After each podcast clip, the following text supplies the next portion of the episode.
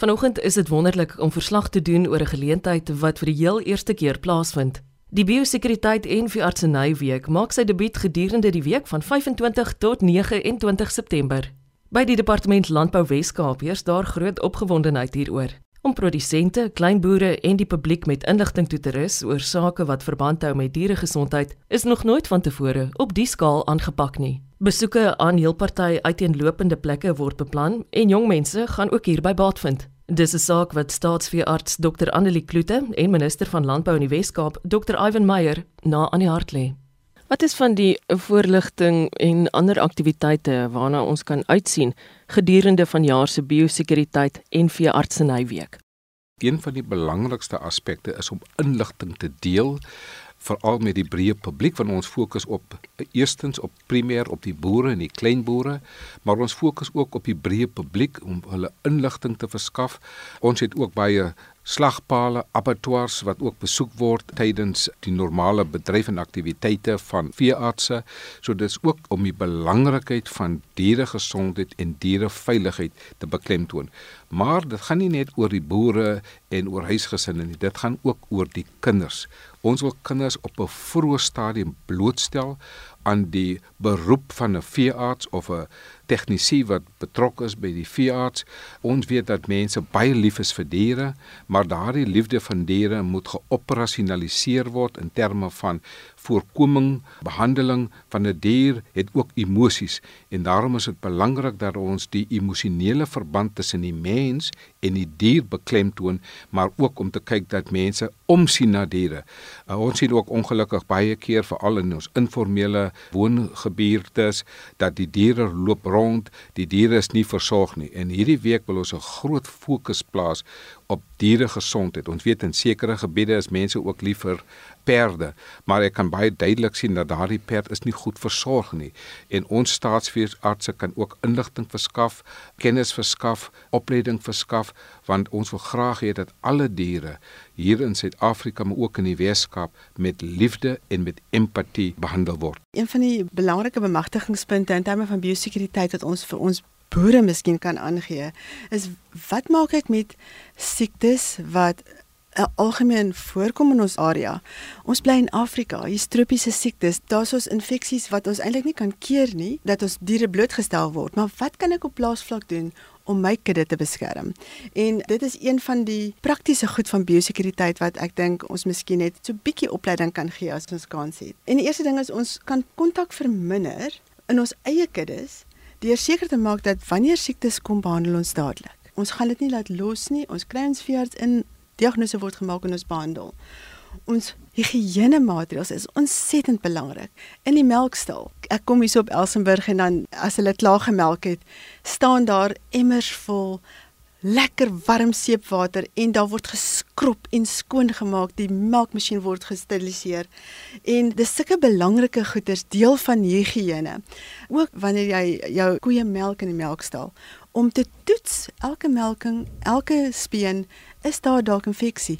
Daai koeie uithaal, laaste te melk, hulle te behandel, seker te maak die melk beland nie in die melktank nie en dat daai melk nie 'n risiko is vir die ander koeie nie. Ook in die skeerskuur seker te maak dat ons goeie higiëne hanteer. Dis 'n heel ander saak as ons iets soos sponsiekte kry, dan gaan ons sommer vir 3 weke ophou skeer en behoorlik skoon maak. Slag vir eie gebruik. Mens dink nie altyd daaraan nie. Ja. Om seker te maak dat daai dier eers verdoof is en dat daai gesonde vleis is wat ons eet. Ons en almal saam met ons op die plaas die werkers. Hierdie een is nou miskien 'n bietjie van 'n moeilike een, maar dit is belangrik. Toiletgeriewe vir ons vir almal wat met die diere werk. Daar is ongelukkig ook iets soos 'n zoonose wat van mense na diere toe kan gaan. En as as daai basiese fasiliteite nie in plek is nie, dan sit ons met karkasse wat besmet is en wat weer vir mense kan 'n probleem hê.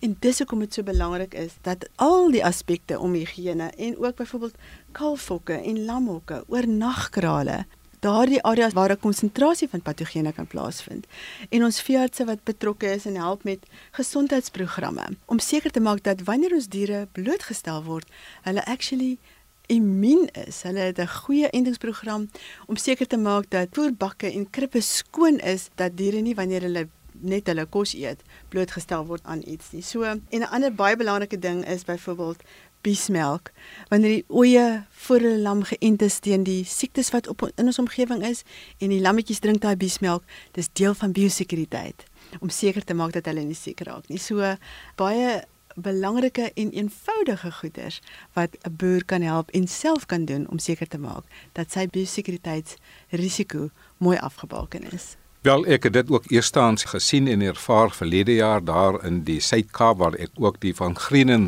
boere besoeke daar in die George omgewing dit is baie groot melkbore ek het saam met hulle gekyk daar en ek het uitstekende biosekuriteitmaatreëls daar gesien van die suiwelbedryf is ook 'n baie belangrike bedryf hier in die Wes-Kaap. So Biosekuriteit beteken dat ons goeie standaarde in praktyke daar moet vestig sodat ons diere gesond kan wees, sodat ons produkte ook kan veilig wees vir menslike gebruik. Maar wat is die implikasie as daar nie goeie biosekuriteit op jou plaas is nie? Wel vir die luisteraars, Dit is die implikasie. As daar nie goeie biosekuriteit is nie, beteken dit daardie produkte mag nie vervoer word nie, dit mag nie gebruik word nie, dit mag nie verkoop word nie.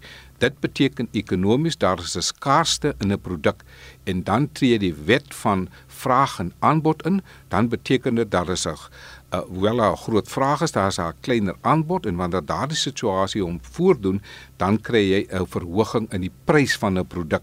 So dit is baie belangrik vir die verbruiker sodat ons vir hulle ook inlig dat wanneer daar goeie biosekuriteit is, kan ons seker maak dat die prys van die produkte kan afbring want hoë pryse beteken dikwels in sommige gevalle wanneer jy hoë risiko's het vir biosekuriteit is daar skaars produk beteken jy gaan duurder betaal op die rak vir daardie produk. En ons het gesien prakties met die voëlgriep, ons het gesien die prys van eiers hoe dit drasties toegeneem het.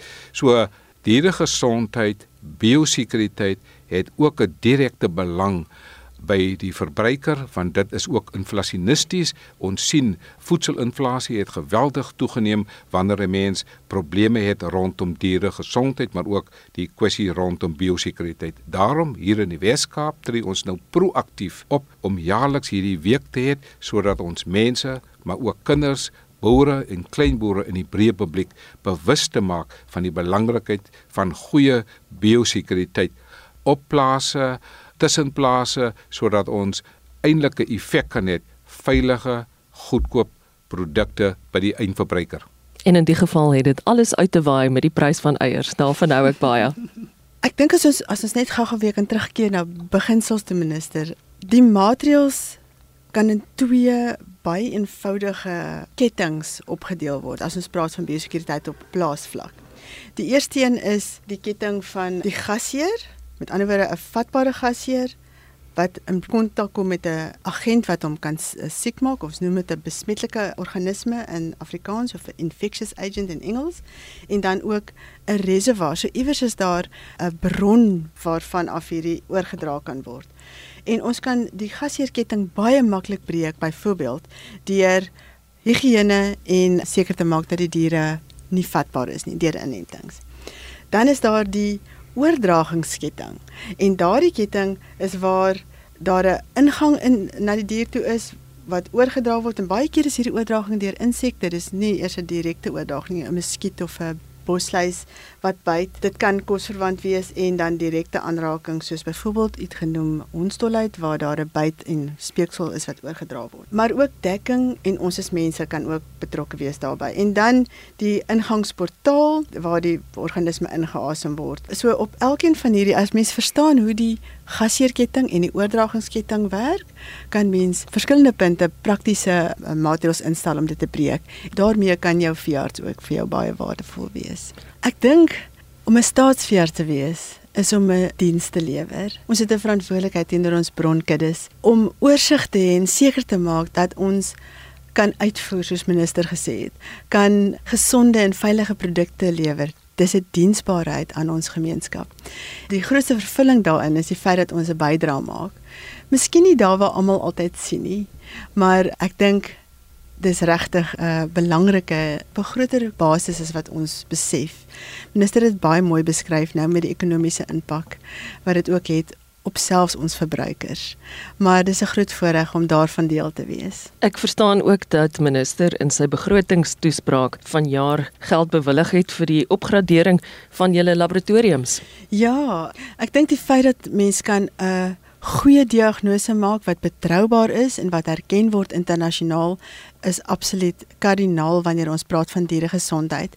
En ons laboratoriums het baie nodige herstel en opgradering nodig gehad en dit is nou gedoen. Van volgende week af, die komende week, begin die eerste terugbeweeg van ons belangrike geakkrediteerde uh, laboratoriums wanneer hulle begin om die toerusting terug te beweeg en die proses om weer 'n SANAS akkreditasie te kry wat 'n nasionale akkreditasie is wat nodig is om te verseker dat resultate herhaalbaar en korrek is. Daar's 'n hele validasieproses wat in plaasvind en dan ook saam met dit vir beheerde siektes is daar 'n toestemming deur die nasionale departement van landbou wat wel sê dat ons mag daai toetse doen, daai uitslae gee. Met daardie hele proses wat in plaasvind, verwag ons dat ons laboratoriums weer sal kan begin 'n bedienste lewer hier van middel Maart 2024. Minister, ek hou tog so baie daarvan dat u gesê het van jaar se biosekuriteit en veeartseny week nie net vir boere en klein boere is nie. Ons pak dit aan want daar is ook 'n opvoedingstaak hierin. Hier is 'n groot opvoedingstaak en daarom is ek ook een van die persone wat graag wil sien dat ons ook meer opleidingssentra moet hê veral vir opleiding van staatsveeartse nie net daar in die noorde nie. Ek dink ons het ook nog opleidingsspasie nodig in Suid-Afrika spesifiek in KwaZulu-Natal in die Oos-Kaap as ook in die Wes-Kaap sodat ons ook groter ruimtes kan skep vir mense om opgelei te word in staatsveeartse. Ek dink die woord wat 'n mens dikwels hier hoor in die Wes-Kaap ons glo in die argitektuur is herstelwerk en instandhouding en daarom is hierdie laboratorium ook vir ons een groot fokus. Dan hoor ek die stem van alle veeartse. Hulle praat dikwels van 'n vervullende diens en dit is wat ons in hierdie week wil uitstal 'n vervullende diens want dit is 'n vervullende diens om seker te maak dat ons diere gesond is dat ons veilige voedsel aan die publiek kan bied en dat ons gesonde mense daar kan stel. Van van die Weskaap is dit ook vir ons belangrik vir die veiligheid van ons mense maar ook die gesondheid van ons mense hier in die Weskaap. Ek dink as ek na ons staatsveeartse luister maar ook vir hulle sien as ook private veeartse ek kry die gevoel as ek van buitekant af staan en inkyk dan sien ek hier is mense wat 'n vervullende diens lewer so hierdie week is eintlik die blootstelling van die praktyk van 'n vervullende diens in hierdie Weskaap regering. Hier is 'n wenmomentum wat ons gaan vestig. Die taak van 'n regering is om hoop te skep. Ons sien dikwels al die probleme in die samelewing. Ons het voëlgriep gehad, ons het siekte van perde, ons het varkgriep gehad. Al daai goed en ook die geopolitiese landskap in die wêreld met die oorlog in Oekraïne, verskillende situasies in Johannesburg en die politiek is maak 'n mens neerdrukkend. En ek dink wat ons hier sien is staatsveeartse bied vir ons hoop en ons nooi al die mense om deel te neem aan ons verskillende platforms op radio, op televisie, besoeke aan ons plekke, maar kom neem deel aan hierdie vervullende diens wat ons staatsveeartse hierdie week gaan aanbied. Biosekuriteit en dieregesondheid is my en jou verantwoordelikheid. Vanjaar se veeartsenyweek vanaf die 25ste tot die 29ste van die maand gaan sonder twyfel 'n nuwe perspektiewe besorg aan boere en dis ook 'n week waar troeteldier eienaars inentingskennis oor hul geliefde viervoete en natneuse gaan bekom. Baie dankie dat jy ingeskakel het vir RSG Landbou. Ek is Eloise Pretorius en ek wens jou 'n wonderlike Saterdag waar jy jou ook al mag bevind in die mooi land van ons. Totsiens.